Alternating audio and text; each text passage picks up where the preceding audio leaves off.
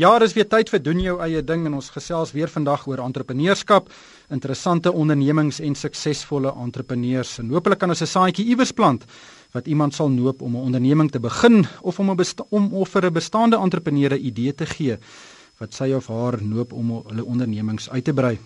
Nou ek het die afgelope paar programme met ongelooflike suksesvolle entrepreneurs gesels en vandag is beslis nie 'n uitsondering nie. Inteendeel, dit is die storie van vandag se entrepreneur is een wat elkeen van ons sal inspireer. En dit is die verhaal van Dawie Swart wat op die ouderdom van 19 die potensiaal van eiendom raak gesien het.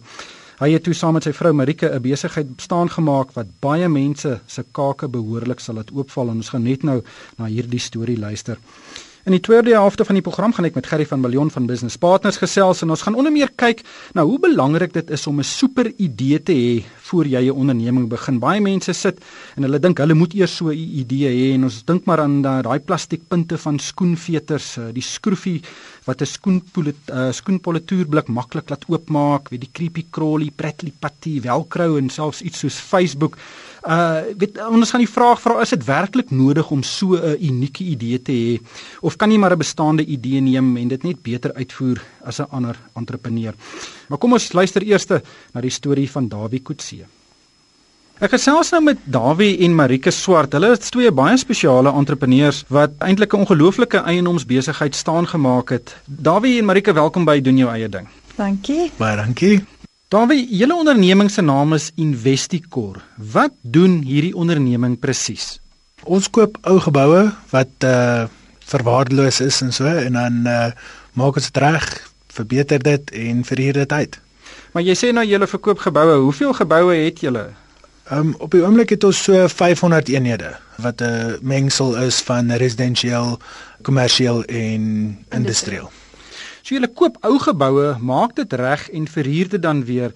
Maar jy het egter nie met 500 eenhede begin nie. Waar het jou belangstelling in die eiendomssektor begin en wat was die heel eerste eiendom wat jy gekoop het? Toe ek 19 jaar oud was in 1999, het ek in IT gewerk en um, ek het daarso R5000 'n maand verdien wat toe nogals baie geld was. En uh, ek het in 'n vrou se bediende kwartier gebly en sy het ook 'n uh, sitkamer gehad wat sy uitverhuur het aan 'n as 'n klein kantoortjie. En sy het R5000 'n maand verdien deur hierdie twee goed uit te verhuur. Toe dink ek, jy sê dit sal ook baie beter wees as ek self 'n eiendom gehad het, dan kan ek hierdie R5000 'n maand verdien. Ek het toe 'n huis gekoop in Fontainebleau. Hoe oud was jy toe jy daai huis gekoop het? 19. So uh, dit was nogal so 'n storie want jy moet mondig wees om 'n eiendom te besit, maar jy kan 'n eiendom besit as jy of 'n CC kan 'n eiendom besit, so ek het dit so gedoen.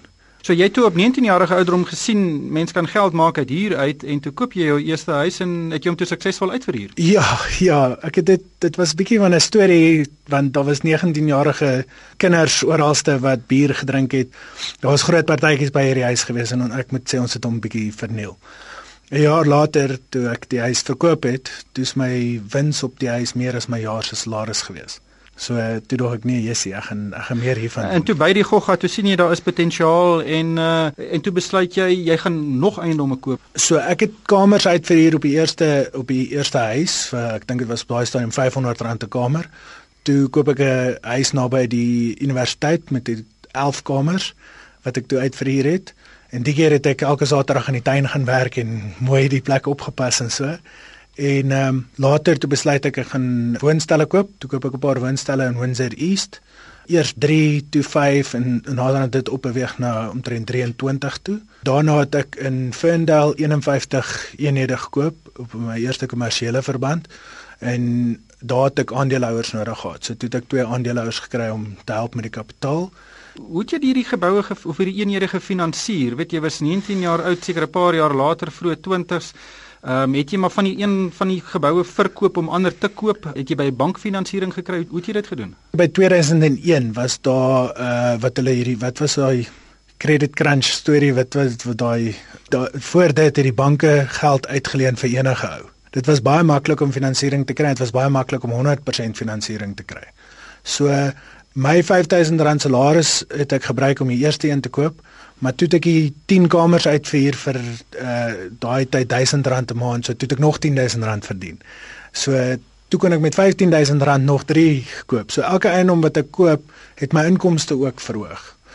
op 'n stadium het ek ander ouens en hom ook begin bestuur wat uh, my gehelp het. Ek het naderhand 100 ander 100 ander eenhede vir ander mense bestuur en ek het nie baie van van boekhou of iets gehoor geweet of belasting of iets nie. So almal se hier het deur my rekening gegaan.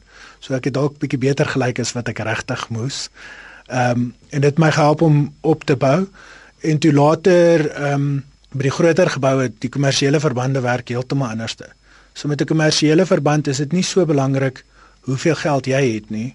Dis meer belangrik hoe doen jy gebou. Maar jy sal nie sommer 'n kommersiële verband hoor 'n 70% kry. So jy moet 'n 30% deposito hê. So jy het maar net gesorg dat jy geboue kon koop wat gefinansier word deur 'n bank en dat jou huurinkomste uit daai gebou meer was as wat jou paaiement was. Ja, en dan het hulle in daai dae was dit baie maklik om my eiendom te herfinansier. So met ander woorde as ek hom gekoop het vir 100 000 en my huurinkomste het opgegaan, kan ek maklik 200 000 leen. So jy kan kapitaal weer leen en en so sodoende groei. Marike, wanneer het jy betrokke geraak? Uh ons is al saam van dat ek uh, 19 is en uh, ek was eers 'n chef gewees en toe ek 21 is, toe vra Dawie vir my of ek nie sal belangstel om hom te begin help nie. Meestal net omdat hy nie baie goed is met die detail nie en dit is verskriklik baie papierwerk. Die ander groot rede was ook uh, mens moet iemand kan vertrou wat met die geld werk. So, dit is hoe dit begin het. Wat vir my nogal opval is dat julle nie van baie buitekontrakteurs gebruik maak nie. Julle doen baie van die werk self. So as daar 'n kraan breek of 'n 'n probleem is, dan spring julle self in en maak dit reg. Aanvanklik was dit so, maar ons portefeulje is nou 'n bietjie groot, so ons het nou ons begin nou wel van ehm uh, van mense gebruik maak, maar ehm um, ja, in die begin was dit min genoeg, so ons het dit alles self gedoen. Hmm. Ek wil sê ek kan nie 'n kraan regmaak nie. ja. so daar was plumbers en electricians so. jy het in 2007 het, uh, het jy baie van die eiendomme verkoop. Uh, hoekom het jy dit gedoen? Ek glo dat jy moet bietjie vleis in die been vir die volgende ou los. En op daai stadium was die eiendomme so duur, jy kan nie As jy as jy 'n woonstel koop wat ek vir R50000 gekoop het, uh waar ek R1500 'n maand gekry het, kon ek nie weet kon daai selfde woonstel nou, ek dink ek het hom verkoop vir R330000 en die huur was maar R2500 'n maand. So dit nie meer sin gemaak van 'n van 'n um, kontantvloei kant af nie. So ek was bekommerd dat die mark bietjie te warm is. Alec Hogg het gesê hy weet wanneer 'n 'n mark te warm is is wanneer jy net goeie nuus hoor en jy weet as jy net slegte nuus hoor dan weet jy hy het ook weer gedraai. So op daai stadium was eiendom niks kan verkeerd gaan nie. Dit gaan net beter gaan. Dit gaan nooit verslegter word nie en hierdie is eintlik nou net die begin van die pryse wat opstyg. Toe besluit ek nee wag, dis tyd dis tyd vir my om uit te klim. Maar toe klim jy weer in in 2009. Ja. Wanneer het jy nou besluit dis nou weer tyd? So ek kyk altyd na die inkomste. Ek koop 'n eiendom nie vir sy jy hoe hy lyk nie, kyk van vir sy inkomste of sy potensiale inkomste. So uh jy weet in in op daai stadium toe wou niemand meer in eiendom wees nie en toe uh, raak die inkomste weer baie hoër as die as die koste. Het jy jou hele aanslag toe verander na 2009 om ander tipe geboue en ander tipe eenhede te koop? Ja, ek het toe baie meer na ehm um, kommersiële tipe goed gegaan, groter, jy weet alles van kantore, restaurante, jy weet daai klas van goeder ehm um, net dis makliker om 10 huurders te bestuur vir 'n miljoen rand 'n maand as wat dit is om 100 woonstelle te bestuur vir 'n miljoen rand 'n maand. Ek was 'n bietjie stadig om te begin uh um, buite kontrakteurs en goeders kry. So uh, ek ek het te veel alles self te probeer uh hou. Maar verduidelik gou vir ons, ehm um, wat is hier 'n voorbeeld? Weet kom ons sê daar's 'n gebou wat jy in belang stel. Waaraan dink jy en watter somme maak jy om seker te maak dat uh, as jy nou die ding koop en en regmaak dat jy gaan geld maak uit daai hele projek uit? Ek gaan jou 'n voorbeeld gee. Ehm um, ek het een hand gelê en net na al die eiendomme gekyk wat in die mark is en vir 'n paar agente e-mails gestuur en iemand het terugkom hy het 'n gebou in die Kaap. Die gebou was 7.5 miljoen rand en hy het 86000 rand 'n maand inkomste gehad wat nie sleg is nie, maar daar was 30% van die gebou wat leeg gestaan het. So met ander woorde as ek 'n huurder kan inkry, is dit skielik 'n baie baie goeie eiendom. Ek het die volgende dag Kaap toe gevlieg. Ek het daai selfde dag die aanbod ingesit. Dis aanvaar en ehm um, 'n dag later het iemand my gebel gesê hier's 'n miljoen rand as as jy nou net wegloop wat ek toe nee gesê het voor. Ek het omtrent 2 miljoen rand aan die gebou spandeer om hom mooi te maak en so. Ek het 'n baie goeie huurder ingesit en daai gebou is 3 jaar later nou 36 miljoen rand werd. So die grootte van die gebou het nie regtig verander nie, maar die inkomste het ek baie verander en die rede hoekom ek daai gebou gekies het is hy is in 'n area waar ehm um, dinge wees gesondheid verbeter. Die verkeer na daai area toe is baie beter. Dit het vir my opvallend gewees dat hierdie gebou gaan in waarde verhoog. Hoe het jy geleer van eiendom? Waar het jy het jy 'n kursus geloop? Eh, het jy gelees? Waar het jy geleer om die regte somme te maak om so weet 'n geleentheid raak te sien? Elke boek wat ek kan sê een van die groot goed wat ek gehou het van oorsee gaan want Suid-Afrika het baie min eiendomboeke. Ehm um, dit so, as ek Australië toe gaan dan kry ek 'n paar boeke daarso. Ehm um, so ek het meestal maar deur boeke wat ek gelees het. Ehm um, die storie is maar almal soortgelyk, baie soortgelyk aan my storie ook. Ek het 'n huis gekoop of ek het 'n woonstel gekoop en toe 2 en toe 3 en nou het ek met 100 of hoeveel ek al dit. Maar nie baie mense kan dit doen nie. Ehm um, baie mense het een woonstel, miskien twee, probeer dit self bestuur, weet kry 'n huurder wat nie huur betaal nie en dan weet jy jy stamp jou kop. Ehm um, daar is risiko's betrokke, maar hoe gaan jy van een huis in 1999 tot meer as 500 eenhede 'n paar jaar later. Hoe hou jy jou vinger op die pols um, om seker te maak dat al jou eiendomsbeleggings weet op dieselfde vlak presteer? Met 'n huurder byvoorbeeld is 90% van die werk is wanneer jy die huurder plaas. As jy verkeerde ou plaas, gaan jy verskriklik lank sukkel. So as jy 'n ou kry en jy kry dit baie, ek verhuur my woonstel vir R3000 'n maand, Dan kom hy en hy doen aansoek my verdien R4000 'n maand. Hy gaan nie kan sy huur betaal nie. Iets gaan gebeur. Hy dink dalk hy gaan, maar dit gaan nie gebeur nie. So jy gaan sukkel. As jy die regte ou plaas en ek dink Marika is eintlik die groot geheime geheime wapen daarso. As jy die regte ouens plaas, sukkel jy nie maklik nie. Baie mense gaan nou luister hier aan en dink jy dit vat spesiale talent om van 1 eenheid tot 500 eenhede in so kort tydperk te groei. Dink jy iemand kan vandag nog op 'n 19-jarige ouderdom sit en dit ook doen? Ek sou dit bietjie anders gedoen het as ek moes oor begin. Ek dink nog ons baie daaraan want ek het baie jong mense wat my vra vir advies en weet weet kom kers opsteek en sit daarso en praat en wat moet hy nou doen? Daar's altyd geleentheid. Daar's verseker altyd geleentheid. Ek hou nog steeds van die commune idee. Koop iets naby die universiteit, verhuur dit uit. Daar's altyd belangstelling van studente af en ons net te min studente behuising. En dit is 'n lekker plek vir 'n jong mens om self ook te bly. So ek sal nog steeds met daai ding begin en die kontantvloei is baie lekker, so eiendom. En daarna sal ek jou reputasie, jy moet net jou reputasie bou. Dit is die belangrikste ding van alles.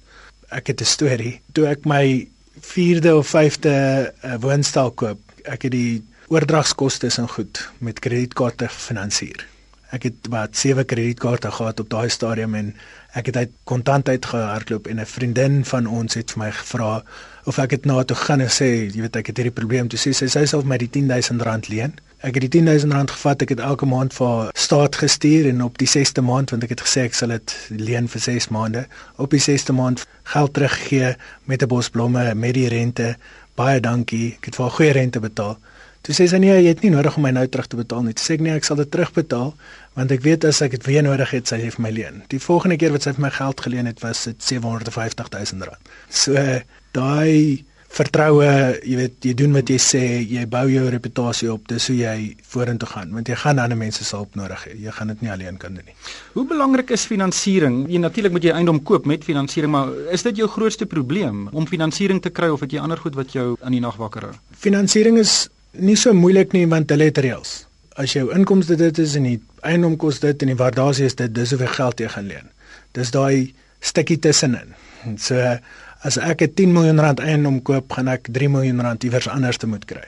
En dit is nogal 'n storie, so daar het ek baie keer ek het my netwerk van aandeelhouers, het almal wat net so al van my gehoor het en dan met vat ek hulle 3 miljoen rand, maak dit vir hulle baie meer en hulle hou 'n aandeel in die eiendom en so en dan bestuur ek dit.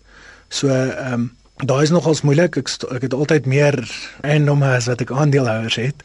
As iemand nou by die huis sit en en, en dit oorweeg om 'n besigheid in eiendom te begin, kan jy net drie vinnige reëls gee wat wat foute wat jy moet regtig vermy om te maak? Jou wins lê in jou koop, nie in jou verkoop nie.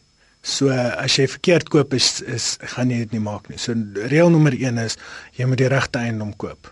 Die tweede ding is jy moet jou emosie uit dit uitprobeer hou.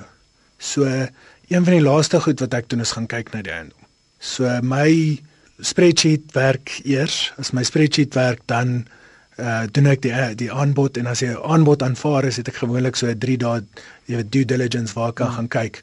Okay, hoe lyk hierdie eiendom actually? Mm. So my nommer 1 ding is hou jou emosie uit dit uit. Want dit gaan maklik na hierdie gebou toe dink jy, oh, "Dis so mooi en dan gaan dit so mooi maak en kyk hierdie sandsteen hierso en en dan maak jy maklike fout." Maar ek net laastens, ehm um, daar's baie man en vroue wat saam in 'n besigheid werk. Uh, wat is die dinamika daarvan? Is daar nie altyd spanning by die werk is wat jy dalk huis toe neem later nie? Uh, is dit lekker om saam met jou man te werk? Ek dink is vir ons baie lekker. Ek dink nie almal kan saamwerk nie, maar ehm um, ons werk baie baie lekker saam. Ons bou al hierdie besigheid vanaf ons 19 is saam en as dit goed gaan met besigheid, gaan dit goed met beide van ons. So ehm um, ons is vennote. En uh, ek word veral ook behandel soos 'n vernoot, nie net soos jy weet administrasie vrou in die kantoortjie nie. En ek help hom besluite te neem so ons het 'n baie eweredige tipe van 'n manier om na die besigheid te kyk. Jy hinker nie terug daarna om 'n chef te wees nie. Nee. nee, ek doen nie. Nee. Ek ek kook genoeg vir die gesin nou. Dit was dan Dawe en Marika Swart, uh, nie kort soos ek vroeër gesê het nie van uh, Investicor en is werklik 'n inspirerende storie. Gerry van Billion van Business Partners is saam met my in die ateljee Gerry. Ehm um, ek hou regtig van hierdie storie want baie mense hou van eiendom. Dit is 'n dis 'n bate, dis 'n tasbare bate. Mense verstaan die sakemodel agter die uithuur van eiendom, maar ek het nog bitter min gesien dat eh, 'n uh, persoon die beginsel van hier so ver so vinnig kan neem. Uh, en ek neem aan daar's nie baie entrepreneurs wat uh, wat dit kan doen nie. Ja, reik daai se 'n 'n besondere storie en 'n mooi suksesverhaal. Ehm um, maar ek dink ons moet my, vir mekaar sommer vinnig sê dat dis dis meer die uitsondering as die reël. Val om veral om teen daai tempo so vinnig te kan groei. Ehm um, daar's daar's 'n hele paar ehm um, goed wat uh, wat Dawie gedoen het wat ek dink briljant is. Jy kan ook sommer sy sy passie hoor in sy in sy stem. Ehm um, en hy wil hy maak soos ons sal sê die regte geleide. Ehm um, en as jy as jy bereid is om hard te werk en op die regte goed te fokus, dan jy het ten minste 'n goeie kans om 'n sukses van jou van jou besigheid te maak. Ehm um, maar as jy nou vat ehm um, diegene wat daar buite is wat wil graag kyk na 'n eiendom of 'n eiendom transaksie, ehm um, soortgelyk soos wat Dawie gedoen het, ehm um, is die is die eerste ding natuurlik om behoorlik jou huiswerk te doen. Gelukkig as jy hy het nou al 500 eenhede. Maar diegene wat nou dit nou doen vir die eerste keer moet moet maar versigtig wees. Jy weet daar's 'n 'n klomp gate daar En ehm um, as jy nou vat hoe die eiendomsmark verander het. Nou is heeltemal reg tot 2006 min of meer. Uh kon jy nie verkeerd gaan nie. Jy jy jy kon 'n uh, eiendom koop, jy kon uh eiendomme ontwikkel het en uh, jy het nie 'n probleem gehad om dit te uh, verhuur of te verkoop nie. Maar toe kom 2008 en 2009 en toe verander die saak heeltemal. Die eiendomsmark vir veral op die residensiële gedeelte waar mense gespekuleer het met met eiendomme waar hulle nie meer krediet byvoorbeeld kon kry nie. Uh of die reëls was net so streng soveel strenger geweest dat dit moeilik was um vir die vir die man in die straat om om 'n verband te kry. Um nou verander die die besigheidsmodel geheel en al. Maar as jy die beginsels reg het, dan uh dis altyd 'n kans. Ja, maar weet baie mense sit en dink regtig, ek het hierdie groot idee hmm. nodig, hierdie uh, idee waaraan niemand nog ooit aan gedink het nie en dit moet hulle besigheid wees. Ehm um, terwyl meeste besighede is eintlik 'n bestaande konsep, ehm um, wat jy net moet ordentlik uitvoer. Uh, dit is natuurlik makliker om die tweede een tweede opsie te volg. Ja. Ja, ryk, dis dis waar ehm um, waar inter, entrepreneurs wat nou wat nou in hierdie mark probeer ingaan vir die eerste keer of dit nou in eienaars of enige iets anderster uh, die grootste fout maak is hulle dink hulle moet iets totaal totaal nuut uniek hê. Die die probleem daarmee is dat as jy byvoorbeeld in 'n produk dink wat wat daar nog geen mark voor is, beteken dit jy moet die mark gaan skep. En daarvoor het jy baie geld nodig. So jy moet iemand kan oortuig dat daar 'n behoefte is om om daai produk of daai diens te hê.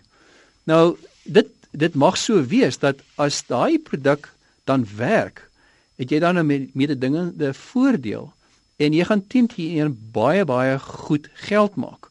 Maar jou risiko is baie groter as wat jy 'n bestaande konsep vat en jy speel 'n bietjie daarmee. So die geheim is veral as jy die eerste keer in besigheid wil ingaan, vat eerder 'n uh, uh, waar 'n bestaande mark reeds is en bou daarop. Ehm um, jy kan dit miskien 'n bietjie verander, iets bysit, maar as jy wil regtig waarvan vooraf 'n nuwe produk op die mark sit, ehm um, wees baie versigtig. Maar as jy nou by die huis sit en jy wil graag jou eie onderneming begin, wat is die maklikste tipe onderneming om om te begin, die ene wat die minste risiko dra?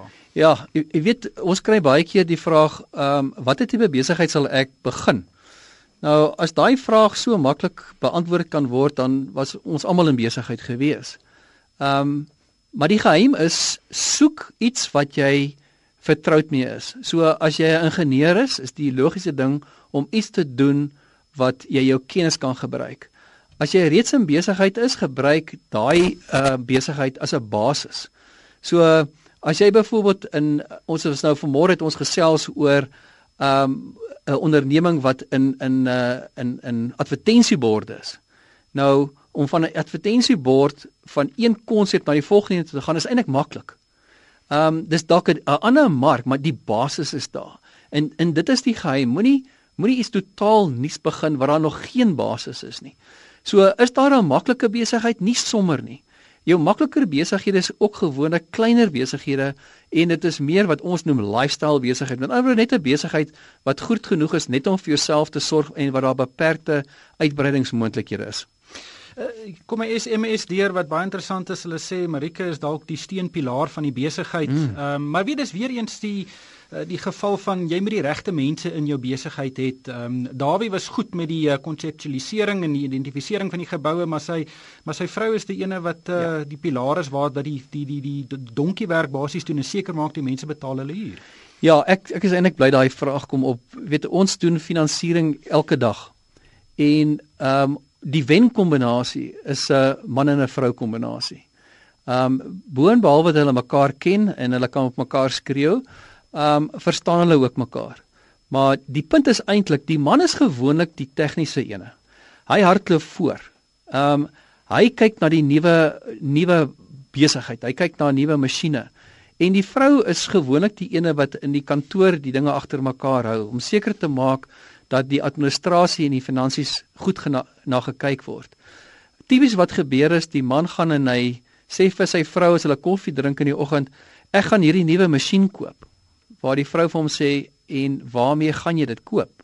En dis waar die die gesprek dan eindig. Dit sit dit sien jy gereeld waar die vrou meer die stabiele een is wat wat wat 'n bietjie uh die realiteit terugbring in die in die man waar die man is die ene wat wat voorhardloop. Hy wil net nog meer en meer doen.